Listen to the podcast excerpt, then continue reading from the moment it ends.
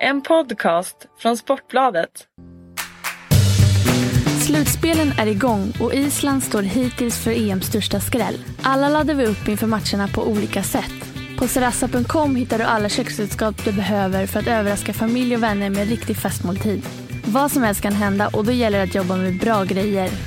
Serassa erbjuder köksprodukter från mängder av högkvalitativa varumärken. Och du som lyssnar på Sillypodden får 15% rabatt på hela sortimentet om du anger rabattkoden Sillypodden. Låt din middag bli nästa skräll.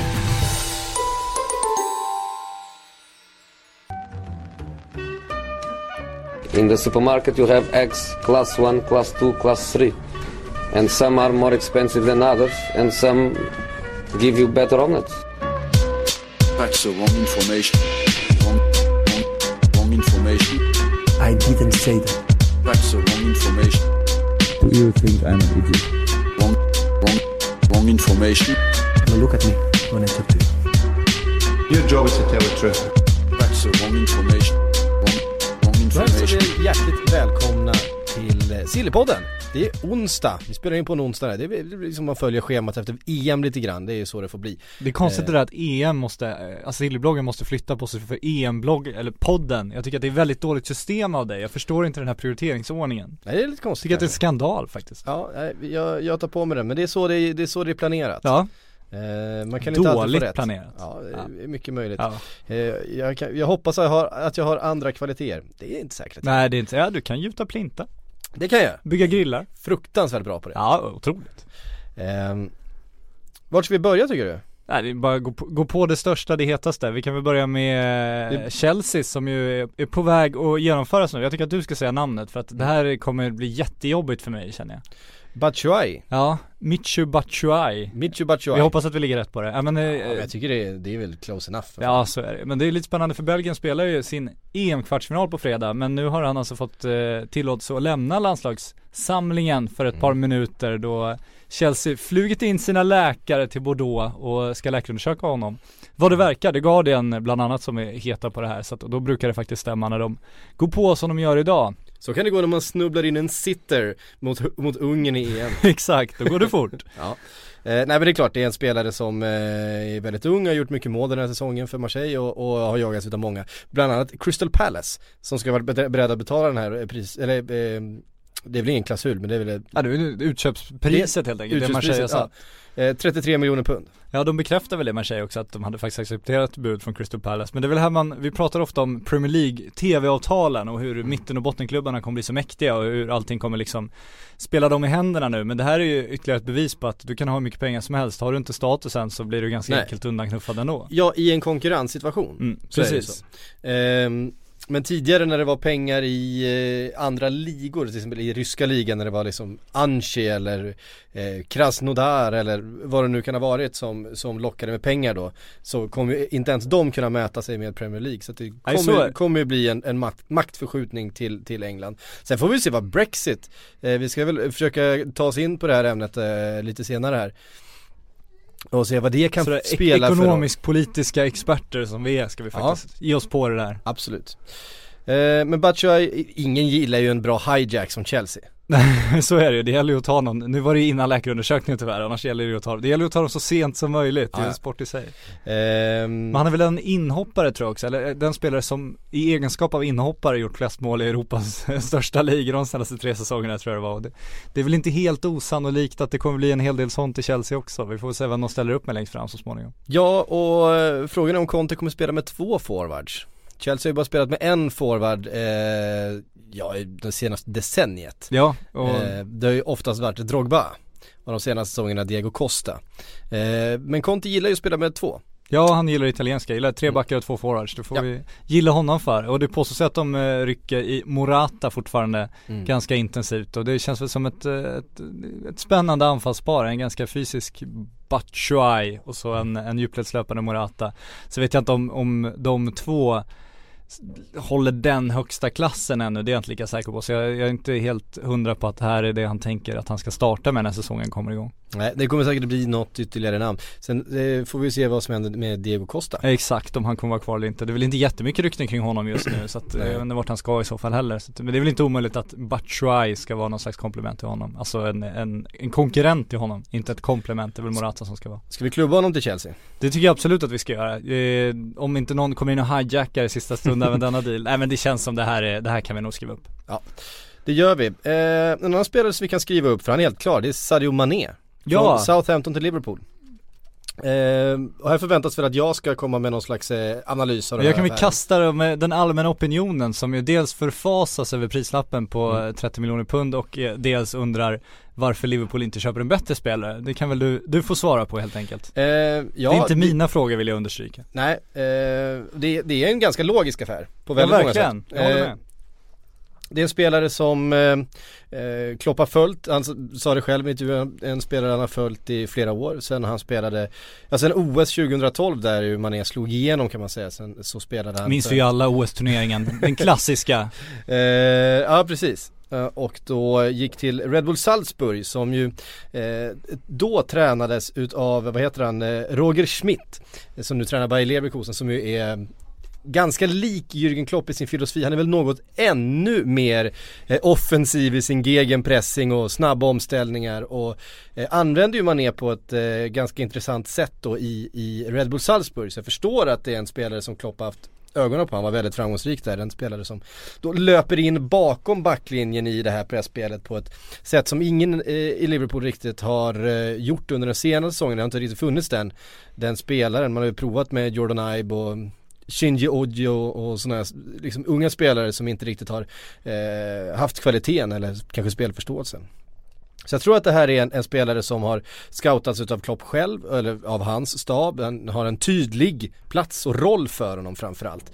Och det är ju det vi, jag menar hur många gånger har vi pratat om det? Att det, det är inte nödvändigtvis de största stjärnorna eller de som gjort störst avtryck i andra klubbar. Det gäller att bygga ett lag här. Ja framförallt om du är den hackordningen som Liverpool ändå är. De, Ja. kan, ju inte, de kan ju inte bygga ett lag med Premier Leagues elva bästa spelare för de får inte Premier Leagues elva bästa spelare.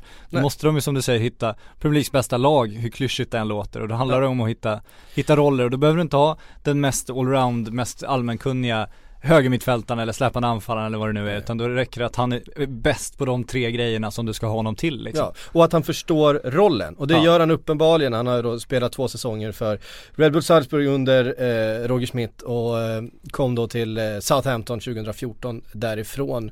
Köpt utav eh, Pochettino då. Men det är, väl, är det inte lite den känslan kring Klopp också? Att han, han är en sån som när han går in på Fifa och ska bygga sitt lag så söker han bara på snabbhet och sen lyfter in de elva högst upp i listan liksom oavsett hur bra de är på det andra. Inte riktigt så tror jag.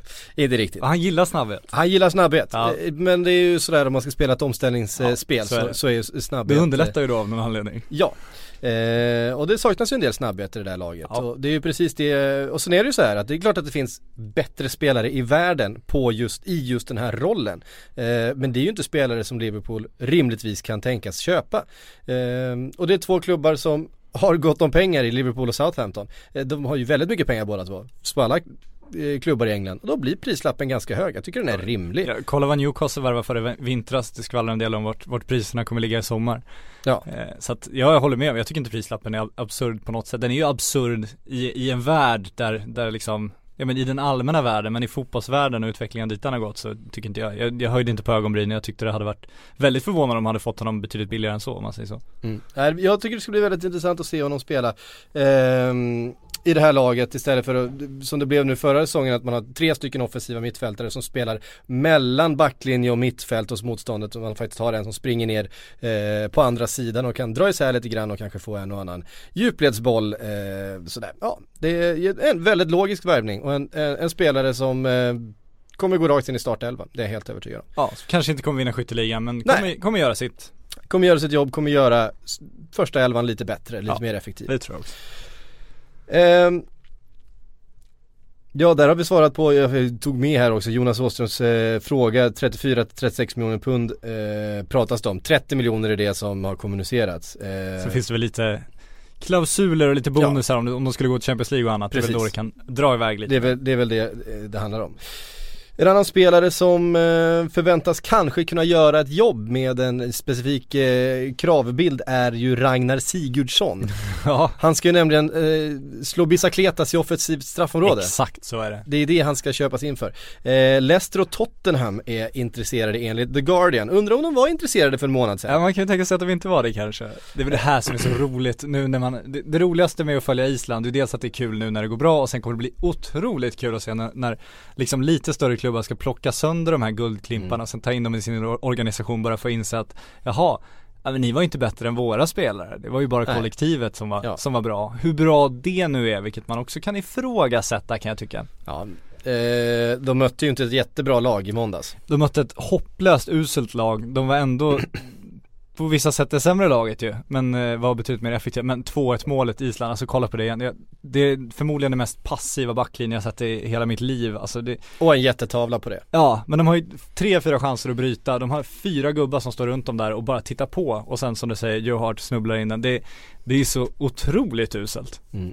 Eh, Sigurdsson som eh, annars, eh, han tillhör ju Krasnodar just nu och det var rykten om att han skulle tillbaks till FC Köpenhamn.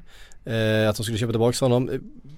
Tanken är väl att prislappen kanske har eh, gått förbi FC Köpenhamn nu. Det och känns att de får så. svårt att hänga med i ett race som Leicester och Tottenham blandar sig i. Sen eh, vet vi ju inte hur mycket det ligger i eh, just de ryktena. De vill väl kanske, de har väl kanske börjat sin scouting på honom nu då. Så är det väl. Eh, han har väl Martin Dahlin som agent tror jag, så att jag tror inte att det är agenten som är ute och fäktar så mycket i det här fallet och försöker göra någon Mino Raiola och pumpa upp intresset. känns inte som Mar- jobbar Martin Dahlin så. jobbar så. Nej, han är lite mer professionell om man vill kalla det så. Det beror på hur man ser på det där yrket Ja. men Nej men eh, intresse lär det finnas, så är det ju. Folk ser vad han gjort där och om de kan använda honom på samma sätt så eh, finns det ju möjligheter att få någonting bra utav det. Men då gäller det att de inser just att det här är ju inte en av världens bästa försvarsspelare. Det här är en kille som är duktig på det han gör i Island liksom.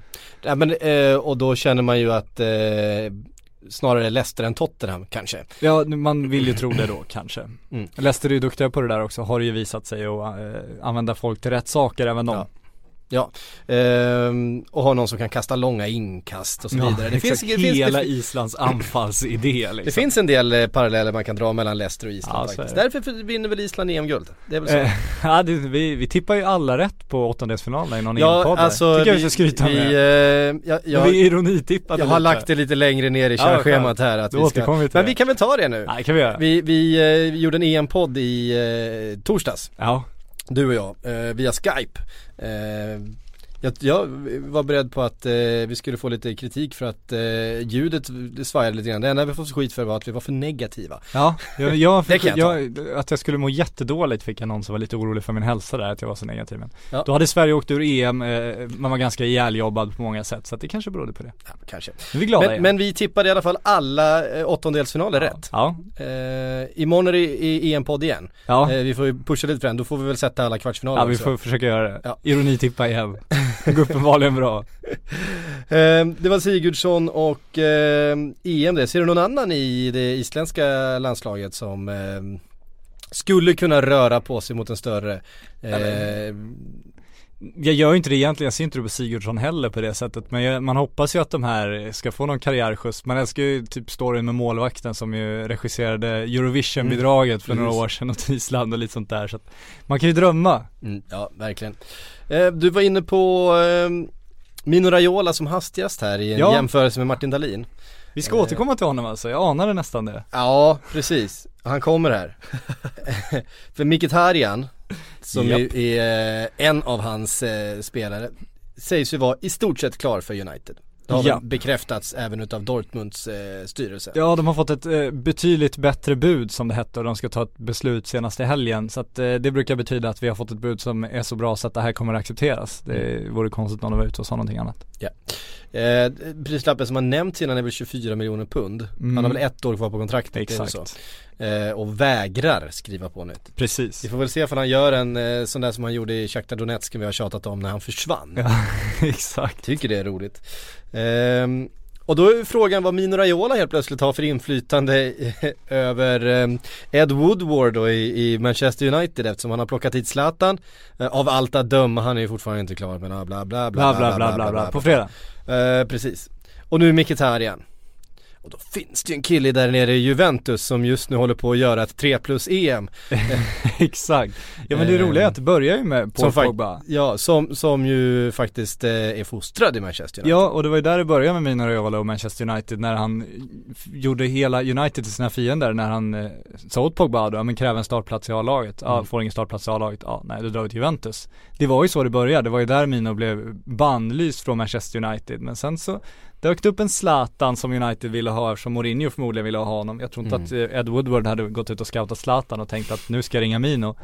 Eh, och det har ju bytts en hel del personal från Pogbas dagar ska man säga så att eh, de Så. nya cheferna har inte riktigt samma starka eller svaga band till Mino hur man nu ser på det hela. Så han lappar uppenbarligen ihop några relationer med Zlatan. Han hjälpte till nu att få Mkhitaryan och då är frågan om det ska bli gentjänst och de ska hjälpas åt igen och eh, Pogba även ska till United. Jag tror ju inte det. Jag tror att han kommer vara kvar i, i Juventus fortfarande om inte Real agerar och jag tror inte att Real kommer att agera efter den här EM-turneringen, så känns det ju inte. Men det är Frågan intressant är, frå-. Ja, frå- men frågan är hur eh, några halvdana insatser i EM egentligen påverkar Pogbas status Så är det, men Florentino Perez ska ta en Galactico och ska han ta Pogba så är det ju den enda Galacticon han har råd med och då Mm. gäller det att han lyser starkast av dem han har möjlighet att ta. Mm. Det återstår ju till EM är över och se om han verkligen kommer, kommer vara den som lyser starkast. Jag tror fortfarande att Frankrike kommer vinna EM och i så fall kommer han ju lysa starkast. Det, Mm. Så är det ju, men, men det blir intressant att se.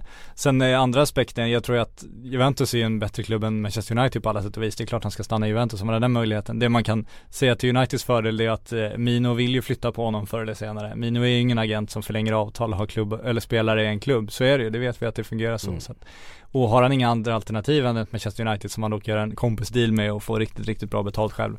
Då är det klart att han skulle kunna lyfta den lille Paul därifrån Turin och bära honom till Manchester på sina egna axlar och sätta honom bredvid Zlatan i omklädningsrummet och tycka att han har gjort sig förtjänt av sin pension sen. Så att, eh, ja, vi får väl se. Konstigare saker har hänt. Det kan man lugnt säga, framförallt runt mina Raiola.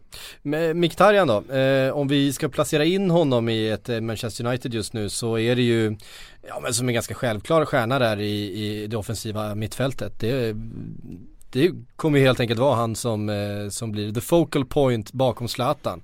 Jag har väl Eh. tjatat om det där offensiva mittfältet i United i tio år känns det som. Att liksom, vem ska ta över efter Scholes och, och så vidare. Och sen kom Schweinsteiger in, skulle vara någon tvåvägsmittfältare, har väl inte alls haft den effekten som man Rooney, hoppades på. Rooney har flyttat ner och Rooney flyttat ner, flyttat runt och flyttat tillbaks och sen flyttat ner igen. Och, Ja, och nu känns det som han är ett större problem än en tillgång så att man borde nog göra allt man kan för att bli av med honom till och med. Men ja, nej men det är klart han blir fokuset där. Sen eh, som vi pratade om på vår lunch här så finns det ju eh, inte jättebra eh, record för de som lämnat Borussia Dortmund tidigare. Det är inte därifrån det har gått jättebra att handla så att vi får väl se hur, hur han kommer passa in i United. Nej det har ju varit så att eh, Dortmunds system har ju varit mer än, mer än kanske spelarna som har eh, lett till framgången. Även om spelarna i det systemet har kunnat briljera. Men man har sett en Nouri Sahin som ju var väldigt hyllad eh, i början där. När Dortmund började göra väsen av sig i Tyskland och hamnade i Real Madrid och det ja, funkade inte alls. Lånades ut till Liverpool, funkade inte alls. Mm. Tillbaks till Dortmund. Eh, en, Kaga, en Kagawa som var helt lysande i Dortmund i det systemet. Superflopp i United och så vidare.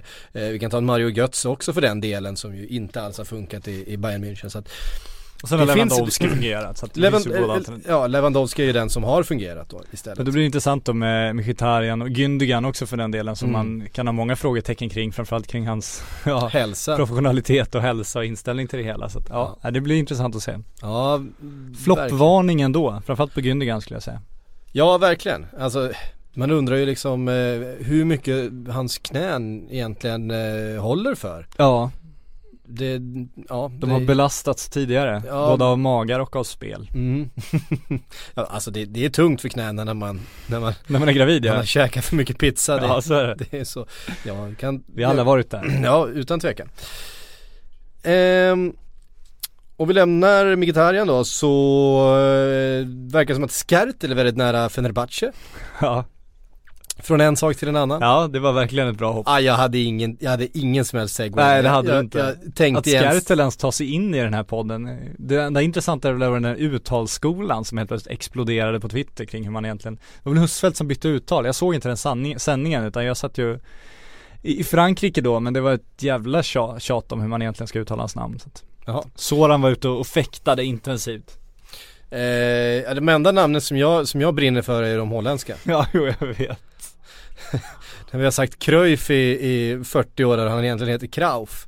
Och det är en Ja, väldigt stor skillnad. Men man måste ju ändå, det finns ju nå- har man sagt det i 40 år får man faktiskt fortsätta säga det för annars blir förvirringen större än tillgången av att det förändrar. Ja men det är lite grann som eh, just Mkhitaryan som vi pratade om nyss. Att helt plötsligt så har en del svenska medier börjat skriva det som det ska Som det ska skrivas, skrivas, på, ja. på svenska. Ja. Vilket är då M, C, H och sen Arjan med J och alltså du vet sådär. Ja, men det var så när man, när man skrev om Andrei Arshavin i fem år och varenda jäkla dag fick mejl om att hallå ni stavar fel, det stavas med SH liksom och så, ja Mm. nej, det är lite olika transkriberingar men vi kanske ska köra den ryska stavningen då? Mm, precis.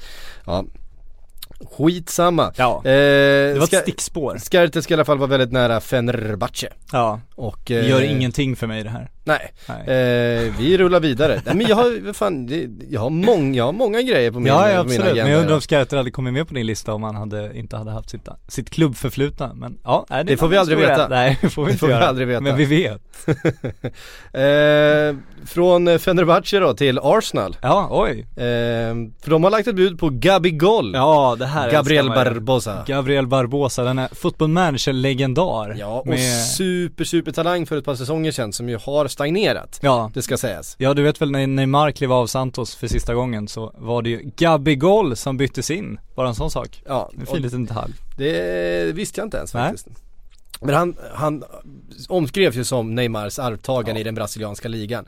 Eh, vräkte in mål i början och i liksom ungdomslandslag och, i- och så vidare. En, en Bojan Kirkic-ungdom kan man säga Ja men verkligen så. Och sen har det ju inte gått riktigt så på, som på räls som det gjorde för Neymar till exempel. Nej. Eh, men eh, ändå en väldigt spännande spelare förstås och ett eh, eh, väldigt stort register. Så är det sitter han ju. Lite annorlunda Neymar, spelar väl mer centralt i planen och är mer av en en målskytt på det sättet så att han ska ju inte jämföras med Neymar egentligen men det blir ju ofrånkomligen så när man är Ja. supertalang i Santos så är det ju Ehm, och eh, en jättestjärna i Brasilien. Ja, eh, och det är där det börjar bli problem då för att normalt när man är jättestjärna i Brasilien så brukar klubbar som Arsenal och sådana inte vara jättesugna på att betala Dels betala den enorma prislappen men dels också dela upp sin betalning till alla intressenter. Han ägs väl till 40% av klubben tror jag, 40% äger han själv av sig själv. Och sen ytterligare, alltså resterande ägs då av den här Doyen Sport, inte helt eh, Okända eh, konsortiet eller vad ska Exakt, den lilla skurkföreningen Ja. där Jorge Mendes sitter och drar i trådarna längst bak Påstås, han. Har aldrig erkänt det själv men det, det är väl ganska illa dold hemlighet. Känns det som de här tuffa tuffingars klubb i Bamse. ja, De de, Exakt så sitter, de sitter i en sån här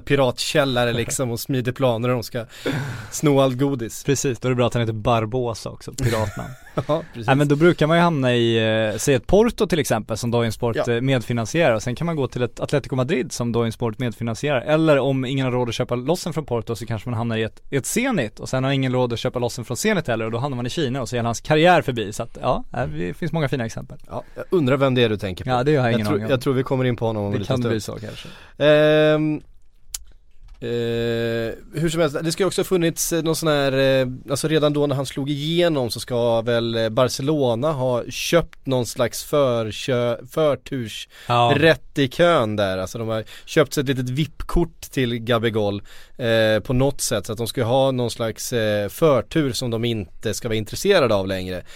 Han har väl helt enkelt inte haft den utvecklingen som de hade hoppats på. Nej de ville, det var väl någon slags Neymar-försäkring där när de köpte han så, oj det är en till kille på gång så, ja Mm. vi vill ha honom också om han blir Un- bra ungefär som när Chelsea köpte Hazards lillebror. Ja, Kommer du ihåg det? Den är snygg Torgen, Torgen Hazard. Torger Hazard, ja eh, den är, den är inte dålig Nej, han, var, han var också jättebra, han var typ 15-16 då, Ja. liksom var en väldigt lovande sådär, eh, talang.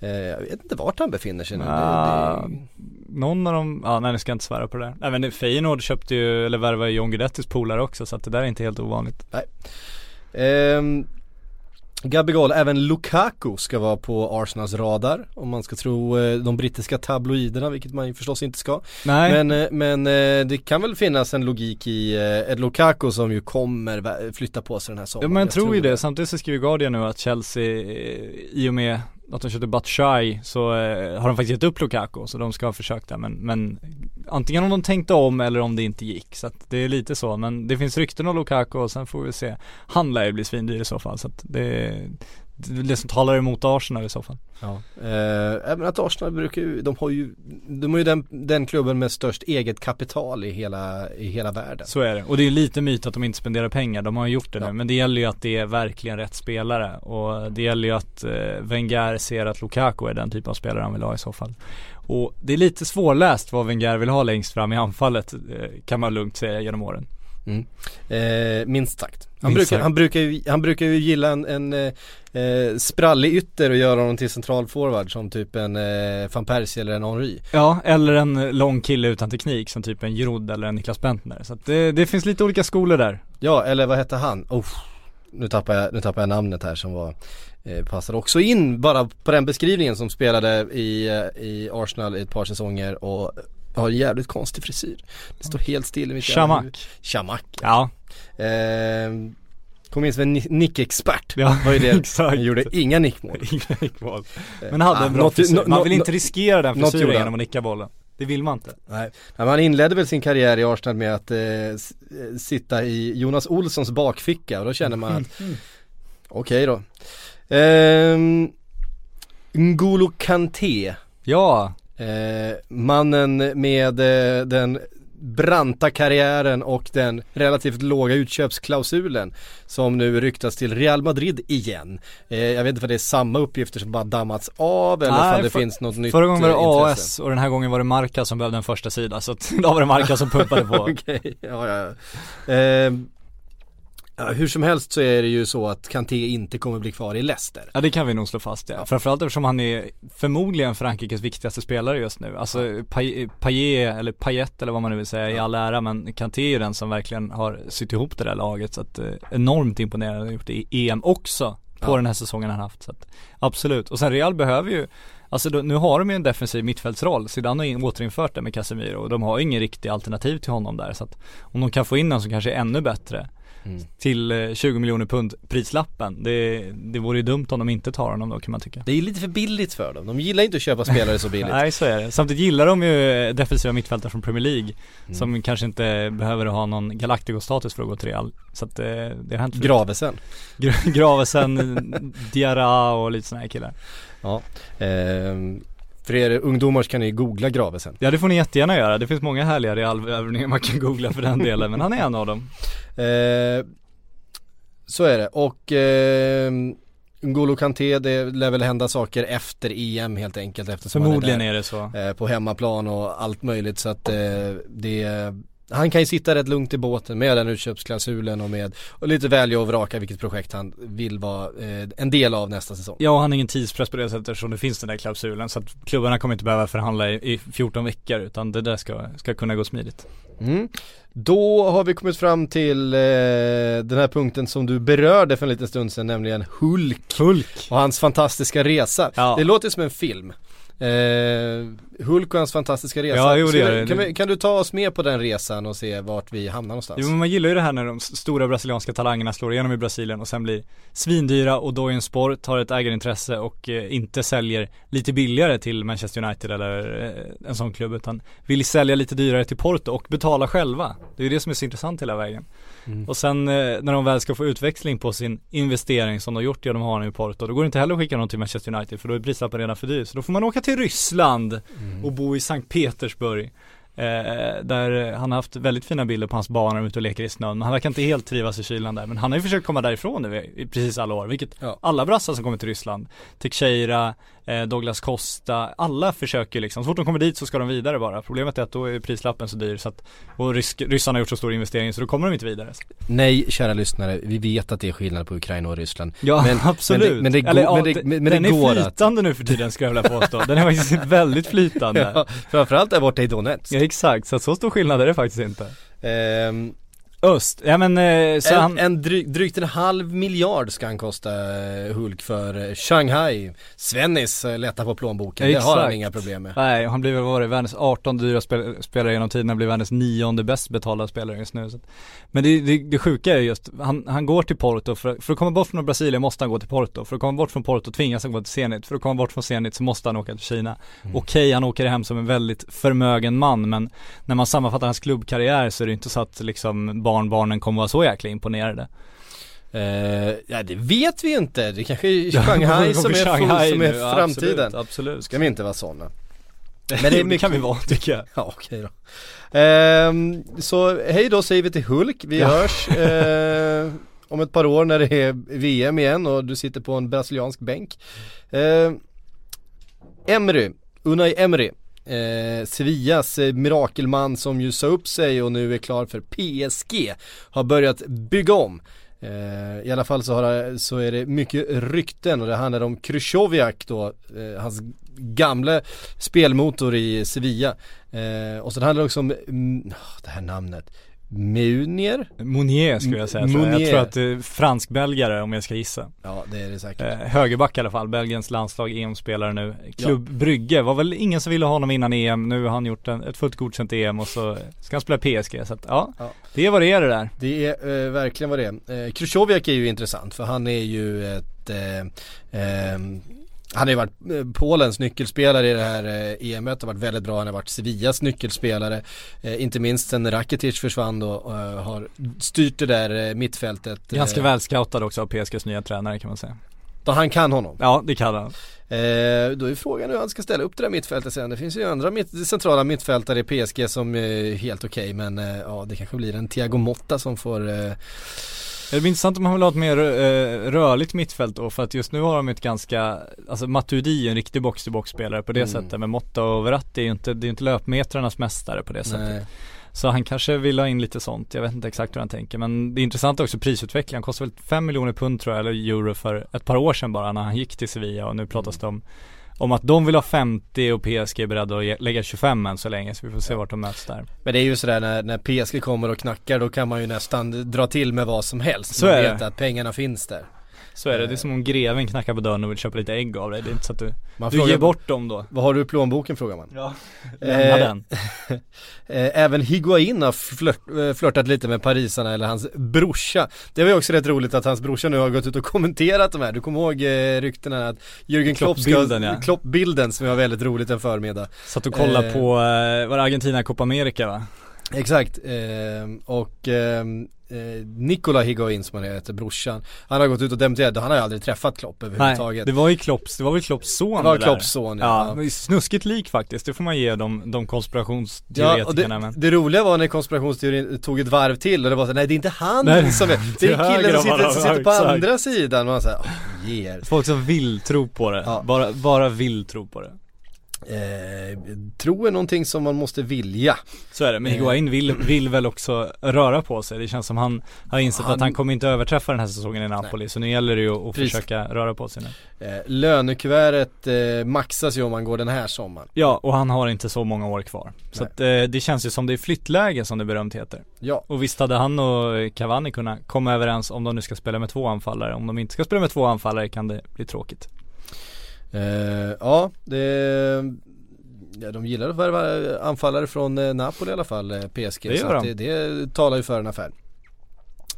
Eh, Montella, klar för Milan. Ja, Äntligen, alltså man är, hur trött är man på liksom Pippo Inzaghi-figurerna som har eh, det var så här unga lovande Milan-tränare som varit gamla storspelare. Alltså lägg av, ta en trött gammal italiensk gubbe nu, inse vad ni ska ha. Eh, Montella som kom från eh, Sampdoria, eh, Life is made up of many gorgeous moments. Cherish them all, big and small, with Blue Nile. Whether it's for yourself or a loved one, Blue Nile's unrivaled selection of expertly crafted fine jewelry and statement pieces help make all your moments sparkle. Blue Nile's experts are on hand to guide you, and their diamond guarantee ensures you get the highest quality at the best price. Celebrate a life well lived in the most radiant way and save up to 30% at BlueNile.com. That's BlueNile.com. köptes ut för eh, ja, typ 10 miljoner kronor tror jag. Eh, ja, kan han vara personen som får ihop den här jätteklubben igen? Nej, nej men det är klart han kan. Men det, jag, jag är inne på, som du säger, den, den ganska ja, ytliga analyser. Men det är ju de här Inzaghi, i hela det här gänget liksom. Alltså det känns som det behövs någon med lite rutin för att styra upp ett sånt skakigt skepp som Milan är. Det krävs någon som vågar stå upp mot ägaren, som vågar eh, säga ifrån av sina tydliga idéer och få in spelarna på det. Jag tror att de hade mått bra av att ta någon någon, någon gammal räv om man säger så.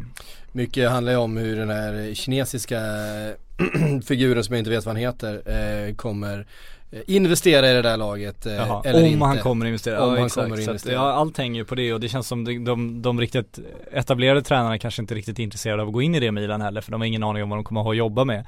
Det kan man ju förstå, det är väl en anledning till att det, det blir så här om och om igen men de behöver inte en ung snygg kille i kostym utan de behöver någon, någon, någon Lasse Lagerbäck typ. Ja, skulle ju gått all in på Ranieri.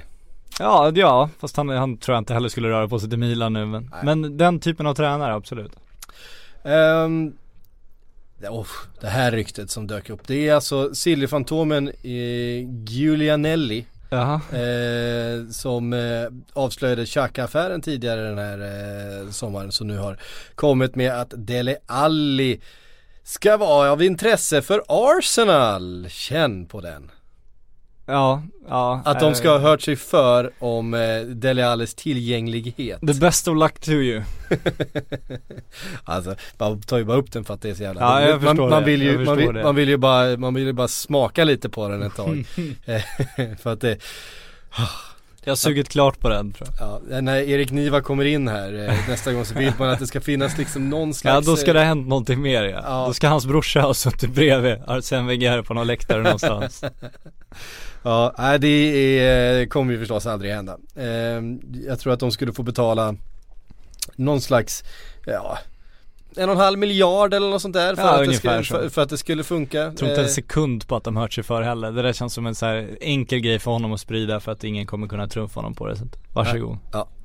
Eh, tog sig hela vägen till Sillypodden. Det är klart han gjorde. Ja, eh, det mesta, det mesta tar sig in här. Ja, Det är, inte, det är inget jättefint. Dina dammluckor där. Nej, De är, de är öppna spjällar kan man finns, säga. finns finmaskigare nät att, att, det. att jaga med. Eh, Koman, Ja, han eh, skrev ju på för Everton här för eh, några veckor sedan och nu jagar han målvakt. Eh, eftersom Tim Howard har ju gått i pension. Eh, det kanske han borde ha gjort för ett par säsonger sedan. kan man, kan man tycka. Har snackats om eh, Tim Krul från Newcastle men också Stekelenburg då som var utlånad till eh, Southampton under tiden som Koman tränade dem. Ska vara av intresse och men den, den bästa hinten får vi väl från att Newcastle har gjort klart med han Mats Sells som har köpt in en ny målvakt som då ska konkurrera med Elliot som ju eh, är skadad. Ehm, så det blir väl Krul. Det känns som det blir Krol. Det är väl inte så att man kan eh, skriva det i sten ännu men som du säger, alla tecken pekar mot Krol och det känns som han också har alla anledning att flytta på sig. Han är ju faktiskt en väldigt bra målvakt kan jag tycka. Eh, I sina stunder. I sina stunder, ja absolut. Han var väldigt bra en gång mot, mot Tottenham. Jag vet inte hur många gånger vi ska tjata om den här matchen men det är, han var väldigt bra där. Ja, så fort Erik är tillbaka så kommer vi tjata om den igen. ja, precis. Borde göra en lista. Ja, nej, men eh, det är väl så att eh, Fredrik Jönsson har lett den här eh, Premier League-podden Ja. under då, då, då blir det ju en del, då blir det en del upp. sånt. Ja, det kan det göra. Ehm, jag har ju lovat att vi ska prata om Brexit. Ja, Eh, Eh, det här eh, mycket märkliga beslutet som eh, den brittiska befolkningen med ganska knapp marginal tog under en folkomröstning förra torsdagen. Ehm, helt enkelt att Storbritannien ska lämna Europeiska Unionen. Sen om det blir så i slutändan eller inte och på vilket sätt och hur, vilka konsekvenser det får och så vidare. Det, det är ganska oklart just nu. Men så är i alla fall eh, utfallet av den här folkomröstningen vilket gjort att eh, bland annat pundet har ju stört dykt. Eh, jag såg en uppgift om att Virgin Group som är ett av de eh, största företagen i England har alltså eh, sjunkit med en tredjedel i värde sedan torsdags. Alltså det är ett jätteföretag med liksom flygplanslinjer han och, Richard Branson heter han Eh, exakt. Ja. Ehm, Bra playboy-aura på honom kan man säga. mycket. Han har en sån här, du vet, han, han finansierar ju rymdresor och grejer. Ja. Alltså han, är, han är en skön snubbe på många sätt. Ehm, Skön snubbe. Det var, det var riktigt konstigt. Jag vet inte. Han har ganska, Han finansierar rymdresor så han är ju en skön snubbe på ja, men han har ju rätt knullig aura. Ja väldigt knullig aura, det har han absolut. Det här är Eh. ingen grabbig podd, nej nej nej nej nej. Fan det, det kan han väl ha. Ja absolut. Ehm, men hur som helst så har Virgin Group eh, sjunkit med en tredjedel i värde. Vilket säger någonting om hur den brittiska ekonomin ser ut just nu och eh, givetvis så är Premier League en väldigt stor del av den eh, brittiska eh, ekonomin. Eh, inte kanske BNP men, men det kommersiella livet. Ehm, och att pundet sjunker får ju förstås konsekvenser eh, när man ska handla spelare från andra länder. Det är ju den kortsiktiga eh, effekten Ja utav, vi, vi utav såg Brexit. att de fick ju lägga om sina bud, alltså de, de brittiska klubbarna som försökte värva från utlandet fick ju helt enkelt förhandla om sina bud efter att de gått ur Brexit för att pundet har ju förlorat så mycket så att deras bud sjönk ju flera miljoner i värde när de då Ja. skulle betalas ut som, som euro till till exempel franska klubbar. Bara det var ju en omedelbar effekt av, av det här huvudlösa, eh, helt sjukt populistiska och vidriga beslutet från den brittiska befolkningen. Ja, och eh, det, som, och det, det är ju en sak, den kortsiktiga, jag menar, pundet kommer ju stabiliseras igen och så vidare även om eh, brittisk ekonomi har väl eh, några tuffa år framför sig. Men eh, den lite mer långsiktiga eh, effekten som det kan få är någonting som vi har faktiskt pratat om tidigare och det handlar ju om eh, eh, arbetstillstånden.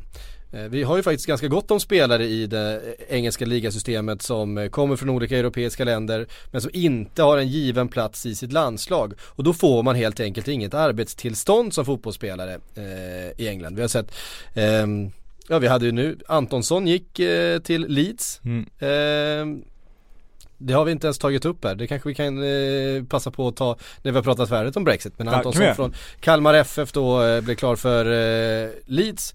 En sån affär är ju då inte möjlig om eh, Storbritannien lämnar EU för att eh, Antonsson är inte en svensk landslagsspelare. Nej, och det, det är det som blir så intressant. Sen blir det också intressant för att fotbollen blir ju en politisk bricka i spelet. Jag såg David Beckham var ute innan valet och sa att han, eh, han röstar för att remain, alltså stanna kvar i EU. Och tog då som exempel att, ja, men när vi hade Manchester United som mest framgångsrikt, då hade vi vår, vår brittiska kärna, men vi hade inte varit lika bra utan vår danske mål, Peter Schmeichel, vår eh, irländska ledare Roy Keane, vår franska artist Eric Cantona. Så det blir ju en, en bricka i det politiska spelet på det sättet och det blir intressant också att se ett Storbritannien som liksom, så många europeiska länder just nu stänger gränserna, drar öronen åt sig, blir väldigt patriotiska, väldigt osäkra. Eh, hur man hanterar då det enorma flöde av utlänningar som kommer för att arbeta i Premier League som det ändå är. När de, eh, vi har sett många eh, fullständigt sjuka videos med rasistiska utspel nu som sker liksom eh, på brittiska gator till följd av det här där de liksom, ja men åk hem liksom. Då undrar man om de kommer hantera Premier League-spelarna på samma sätt. Det, det finns många oroande tendenser i världen just nu och det här kommer ju definitivt ha, ha påverkan på Premier League. Förhoppningsvis kan ju fotbollen verka för, för motsatsen då. Ja, fotbollen brukar ju ha i alla fall den, eh, den eh, förmågan. Eh, Ja man brukar så säga det, att, samtidigt eh, så konstaterar vi under EM nu att det för första gången har varit så att fotbollen, eller känslan för första gången för mig i alla fall, att den har förstärkt de sakerna som man tycker är väldigt, väldigt illa i, i Europa just nu. Det var det var Ryssland som slogs för sitt land på Marseilles gator, vi hade fascister från Ungern och det stod rasister i, i fotbollsklackar och det var många sjuka saker. Så att det är väl egentligen bara en viss nordirländsk sång som verkligen förbrödrat än så länge.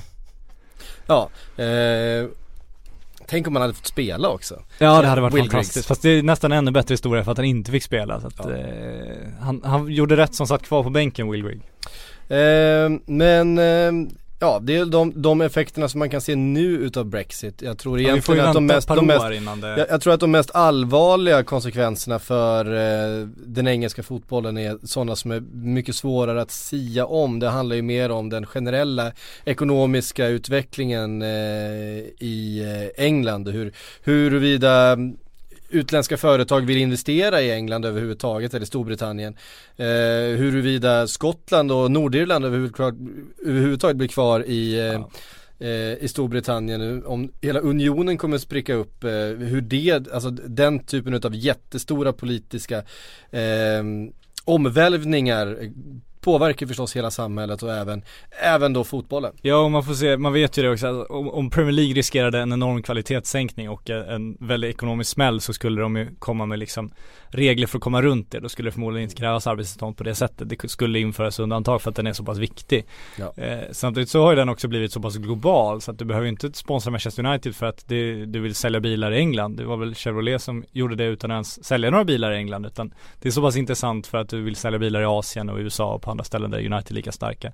Men det gör ju också att United blir ju inte beroende av Storbritannien längre heller. Så skulle det bli för knepigt där så finns det, det är en utopi än så länge men den här europeiska ligan är ju vad den är och eh, Mm. på något sätt så kan man ju fundera på vad det skulle kunna innebära där också. Ja, eh, den som lever får se. Det sista ordet är inte sagt. Eh, Nej. Kan vi vara rätt säkra på.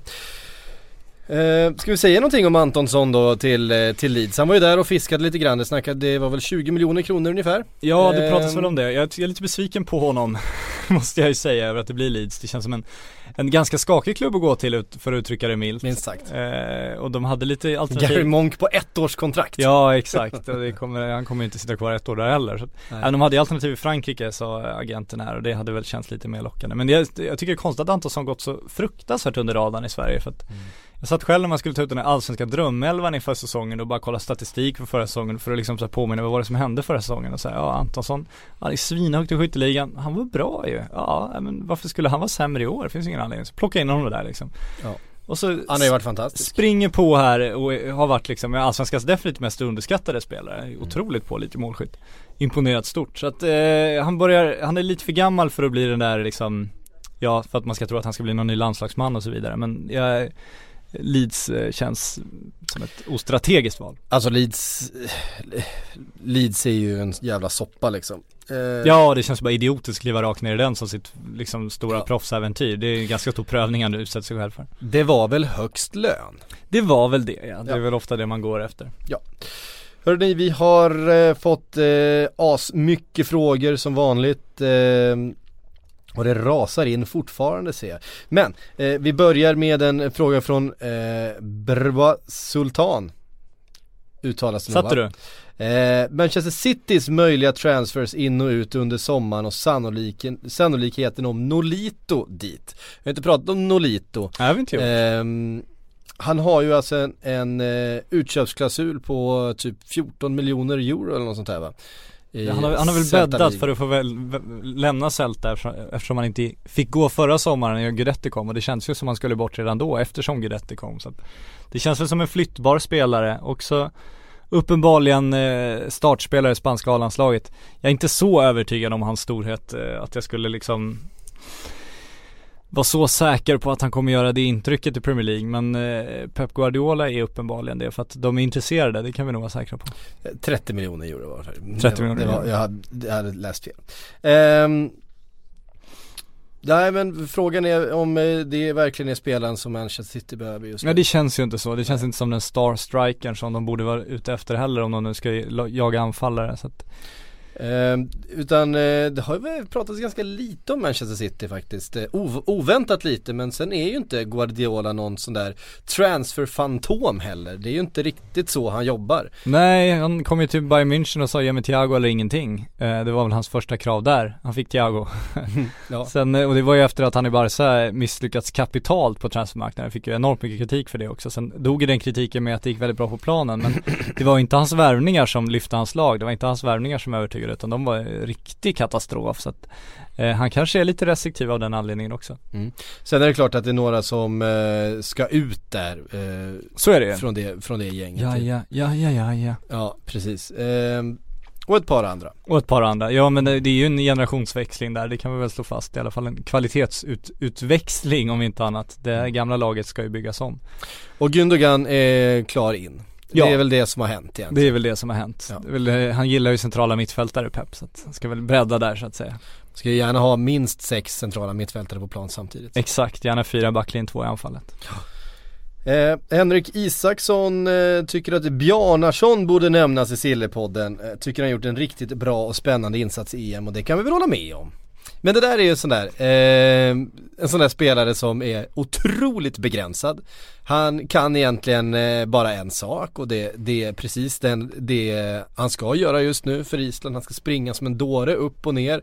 Eh, han slår ju sällan sin gubbe. Han eh, har ingen vidare passningsfot. Eh, han har väl ett okej avslut.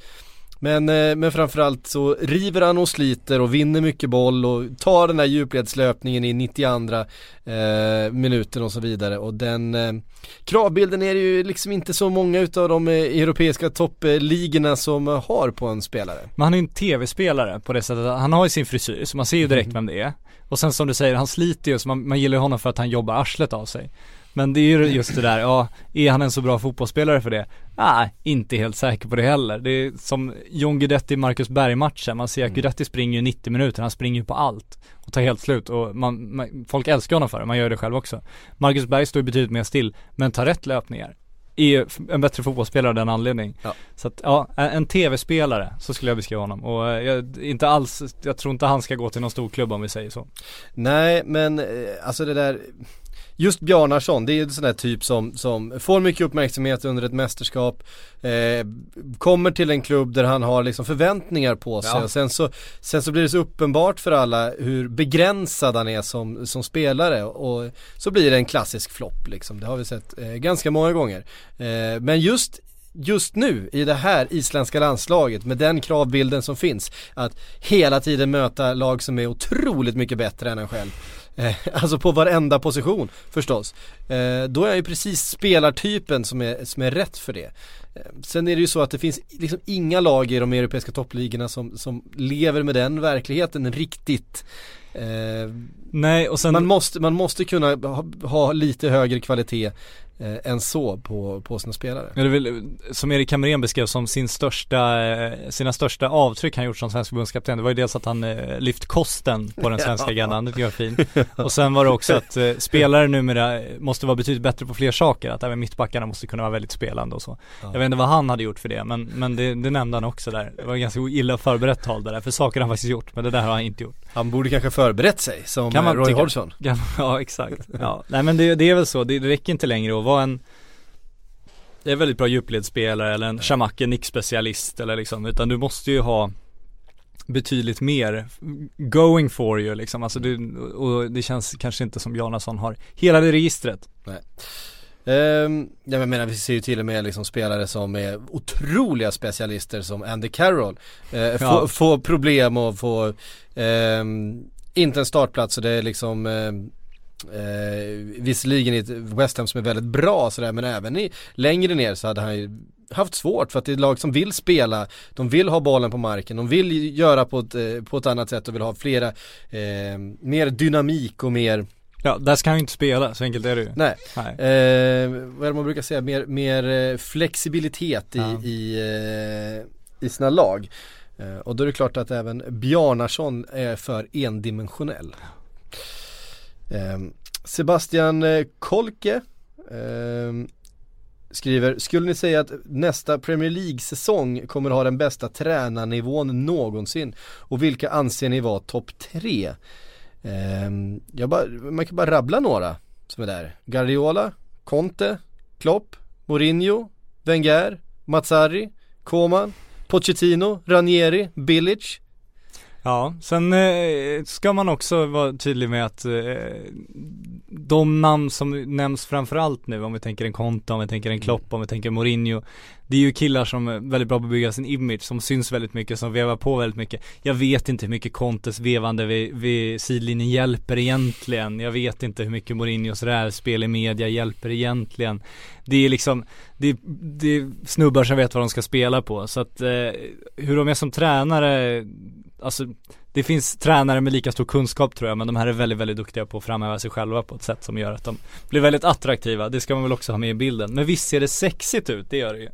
Det blir många bra presskonferenser. Det blir det definitivt och det blir väldigt mycket bra bilder och filmer vid sidan. Jag gillar ju de här, det är det är inte det jag säger. Jag älskar ju att Conte står där och vevar. Jag tycker att det är fantastiskt att han hoppar upp på bänken och är helt galen. Samtidigt så är jag ju så tråkigt skadad så att jag tänker ju att han vet precis vad han gör hela tiden också. Att det faktiskt, han är väldigt medveten om hur han framstår. Jag ska nog krönika om det inför Europa League-finalen just det här att Eh, om man tar Konto och Klopp till exempel, båda har gjort hårtransplantationer, båda är väldigt noggranna med hur de framställs. Alltså det är bara ett exempel på hur noga de är med sin image, hur noga de är med hur de framställs. Hur liksom mycket signaler det skickar. Och, och det finns ju forskning om man ska bli riktigt nördig på att liksom, du lyssnar ju mer på en attraktiv människa. Du, du, du får ju större uppmärksamhet, du, du får ett större förtroende. Så att de är ju smarta, de vet ju vad de sysslar med och eh, jag är övertygad om att han vet vad han sysslar med. Men han hoppar upp på bänken i eufori också för att han vet ju att tv-kamerorna är där, han vet ju vad som händer. Mm. Ehm, Niklas Larsson tycker att det är ovanligt tyst om Real, enbart Morata in. Ehm, Zidane nöjd med truppen? Frågetecken. Vänsterback bakom Marcelo, Pogba. Det är ju det som det har pratats om, eh, Pogba förstås. Eh, De Gea kan man väl kasta in, det är väl fortfarande inte helt avskrivet om man säger så. ganska. Ja det vet fan. Ja, det, men det kan där- nog bli aktuellt igen. Jag tror att om, om det är, Klausulen de hade i alla fall har ju löpt ut. är det några veckor kvar de inte har en Galactico, jag tror de kan testa där igen. Ja. Ehm, jag tror i och för sig eh, de Gea själv eh, ville bort från van Gaal mer än någonting annat. det var en Eventuellt, känsla men- man fick. men så om- han är ju borta nu. Men om de kanske- Gea får chansen att gå till Real Madrid så är jag övertygad om att han vill gå till Real Madrid. Det är trots allt en spanjor. Eh, oavsett vad han har för klubb. Eh, ja, historia om man säger så, den verkar inte så viktig för honom. Så att. Men eh, de väntar väl på Galacticon. Jag trodde ju att de skulle vänta ut EM och, och hoppas att någon skulle, att en Eden Hazard skulle göra något blixtrande och bli den Galacticon. Nu har ju ingen spelare riktigt tagit det klivet. Det är ju Gareth Bale som tagit det klivet och han är ju svår att värva för Real Madrid. Mm. vi får väl se. Men någon ska in, absolut. Någon ska ju in. Det ju, har varit lite skralt faktiskt de senaste åren med riktiga Galacticos. Ja, Peres har inte presterat. Nej, men jag är besviken. Eh, Per-Axel Fredriksson eh, skriver om Sjögren, det är du. Ja. Eh, var tvungen att betta 100 000 på vilken striker Arsenal signar. På vem lastas i så fall degen? Den är ju helt omöjlig nu. Niklas Bentner.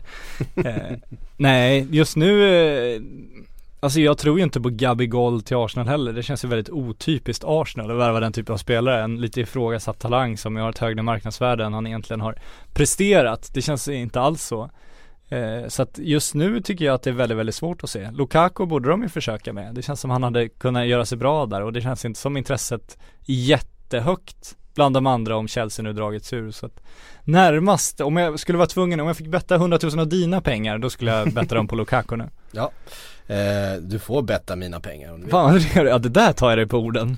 Ehm, Elias Lås, och det här är också en, en transfer eh, som vi har pratat eh, alldeles för lite om. Och det är Ben Arfa till Sevilla.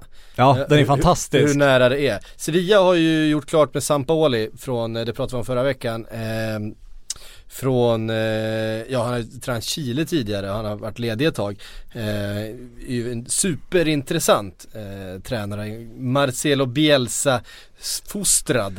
Eh, Simon Bank var lyrisk när det här blev klart. Han kallade det det mest intressanta tränarbytet i Europa i år. Så att det säger en del om hur, han ser på det hela. Ja, eh, och det är väldigt intressant. Han, han har en, verkligen hög e- energifotbollen som Bielsa står för. Sampaoli en, en praktikant av. Ehm, Jag sa Conte, Mourinho, räkna upp några av där, Simon bara suckar så att ja. ja. Eh, Finsmakar Simon. ja, ja, Pretentiösa jäveln. det här är hipstervalet. Så är det. Ehm, varför tror du jag, jag sitter där och försöker låta lite som Simon. Nej det, det Alla, alla, alla vill ju vara mer som Simon. ja, tur att inte alla är det. Ja. Nej men det är kul skifte i Sevilla ändå att de släppte ju Reyes nu, José Antonio till eh, Espanyol och så tar de in Ben Arfa så att eh, en artist mot en annan. Ja, eh, jag menar Ben Arfa är ju den största artisten. Ja herregud, nu är han ju oslagbar i, i fotbollsvärlden. Han eh, kan göra allt både på sidan och planen. Nej men det är ju så, Ben Arfa med självförtroende Ja då blir det åka av. så, är det ju en av världens bästa fotbollsspelare. Ja. Det, det är bara är så. Ja, Det- det är utan självförtroende så har du en av världens sämsta fotbollsspelare, så var det ju också. Så att det gäller att hålla honom på humör, det kan ibland vara dyrt. Ja, eh, nej men eh, och man ser ju det här eh, chilenska landslaget som ju Sampaoli var byggd upp. Nu vann de Copa America liksom. Det, Andra gången i Ja. rad va? ja precis. Ehm, och även om man inte är kvar och har inte varit kvar det senaste året så, så är det ju fortfarande liksom samma gäng och det är samma spel och det, det är liksom den här inställningen som de har och otroligt mycket energi. Eh, ska bli väldigt spännande att se vad Sevilla eh, kan göra med honom eller vad han kan göra med Sevilla. Eh, eh, vi har fått, eh, jo för fasen. Det har jag glömt, jag glömde skriva upp det. Eh, det har ju dykt upp en hel del rykten om vem som tar över det engelska landslaget. Ja, ja, ja. Eh, vi måste ha lite, vi måste ha lite förbundskapten Silly. eh, Kör vind. Före vi, före vi knyter ihop här och då eh, handlar det om Gareth Southgate som ska ta över nu va. Även att det, det ska väl bara vara en tillfällig lösning och enligt BBC så handlar det alltså om, eh, den, den som förbundet vill ha är alltså Arsene Wenger. Ja, jag gillar Southgate först om man ska ta det. Mido var ute och kommenterade. Jag hoppas han har lärt sig någonting sen Borough-tiden i alla fall. Mido! Mido är ute och fäktar, då vet man att det är kvalitet. Mi, Mido har alltid en åsikt. Ja så är det. Eh, sen eh, om man ska ta det där med Wenger så nämns det ganska mycket förbigående i BBC-texten. Det är inte så att de, de pumpar på utan de har väl snarare sagt att, eh, att det är någonting förbundet spanar mot och har ett intresse i och sen får vi se om Mr Arsène Wenger är så sugen på det. Det vet jag inte. Det känns som han vill ha sitt långsiktiga projekt i Arsenal och sen kanske, ja slå av det lite. Jag, jag vet inte om han vill gå in i den grytan som är det engelska landslaget då. Det känns ju lite osäkert men Men visst kittlar det, visst eh, gör det det. Det får man ju hålla med om. Mm. Jakob Gren undrar, vad ska Dortmund göra för att förhindra bli sönderköpta av de större klubbarna? Ja de ska skriva, Sluta kon- sälja. skriva kontrakt i tid är väl det största man kan rekommendera. Nu hamnar de ju i en, eh, i en rätt usel sits på alla sätt och vis när de hade Mkhitaryan, Gündogan eh, och Hummels med ett år kvar på kontraktet samtidigt. Så kan man inte agera, det, det säger sig självt. Den där kontrakten borde de förlängt inte ett år sedan utan två år sedan. För att verkligen se till att inte hamna där. Då hade de inte blivit sönderköpta, då hade de kunnat säga nej. Nu har de ingen möjlighet att säga nej. Så det var ju där misstaget var.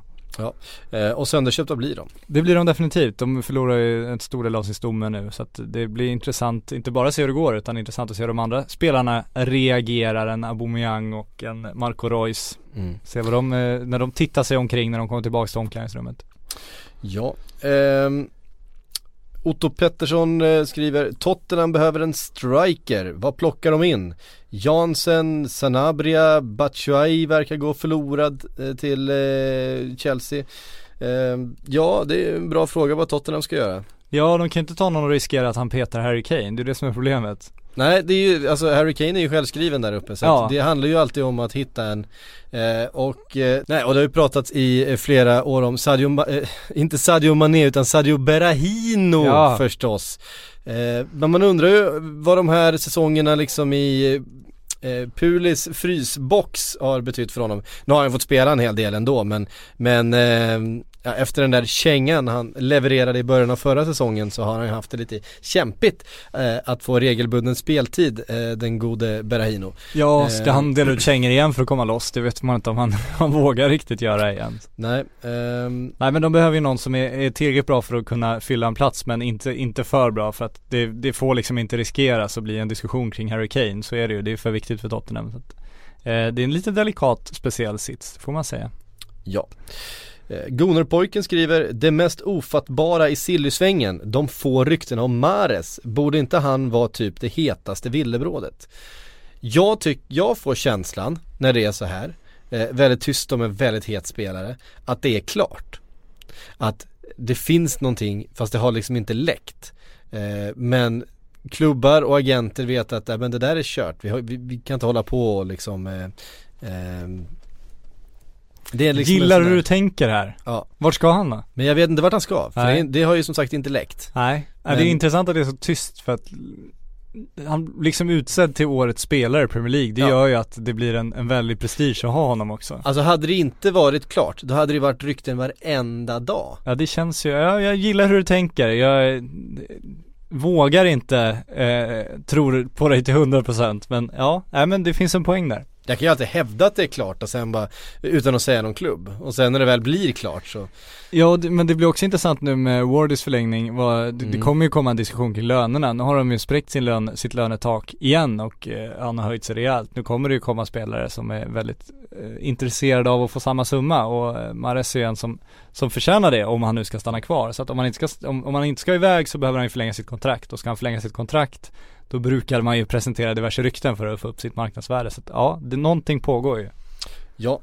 Vi hinner med någon fråga till där. Vi tar eh, Africa United skriver Bonucci till Chelsea då. Ehm, och det är ju klart att eh, de där ryktena kommer, Conte ska dit och det är ju Contes gubbe liksom och så vidare och Chelsea behöver ju mittbackar. Ehm, Vi förlängt med också- Terry, det är lugnt.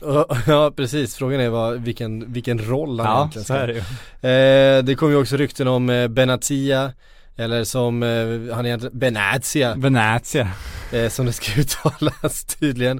Eh, det kom rykten om att eh, Bayern München ska vara beredda att släppa honom till Juventus och eh, det är klart att hans status är ju högre i Italien än vad den kanske är på andra ställen efter eh, säsongerna i Roma där han var väldigt bra. Eh, även att han inte har varit så lyckad i Bayern München. Eh, och då får man ju direkt känslan av att ja, han ska ersätta någon av de här tre, eh, Bonucci, Barzagli, eh, Chiellini. Och eh, Bonucci är ju en Conte-favorit så det finns ett pussel att lägga men eh, vi tror väl inte att det blir så. Nej, alltså det, det är italienska, det är ita, italienare helt enkelt. De spelar i Italiens största klubb. De eh, är ledande i den italienska ligan. De har alla möjligheter att utmana en Champions League. Varför ska de åka, bo i London, spela för Chelsea som inte spelar i Champions League?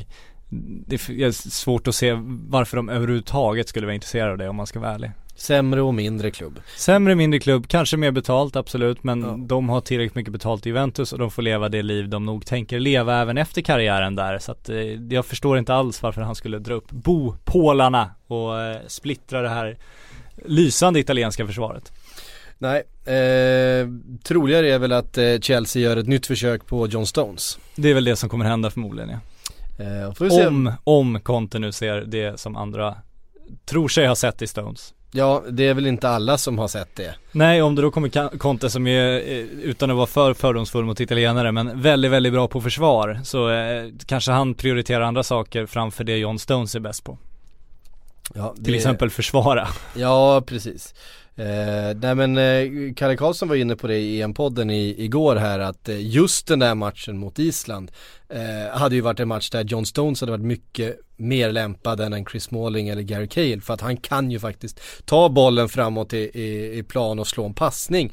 Något som, eh, vilket ju hade gjort att man kunnat flytta upp hela laget om den bollen hade kunnat komma från backlinjen istället för att man ska liksom kortpassningsspela ut den till en eh, ytterback som ska ner och hämta vid mittlinjen. Eh, som ju ofta var fallet i matchen i måndag. Så att, det finns ju givetvis lag och situationer och jag tror att eh, den typen av eh, possession-spel som en del eh, lag spelar i Europa hade passat John Stones väldigt bra. Och då är Eh, frågan om ett Conte-lag kommer spela den sortens Nej, possession-spel. det, är väl, det är väl en v- väldigt bra fråga.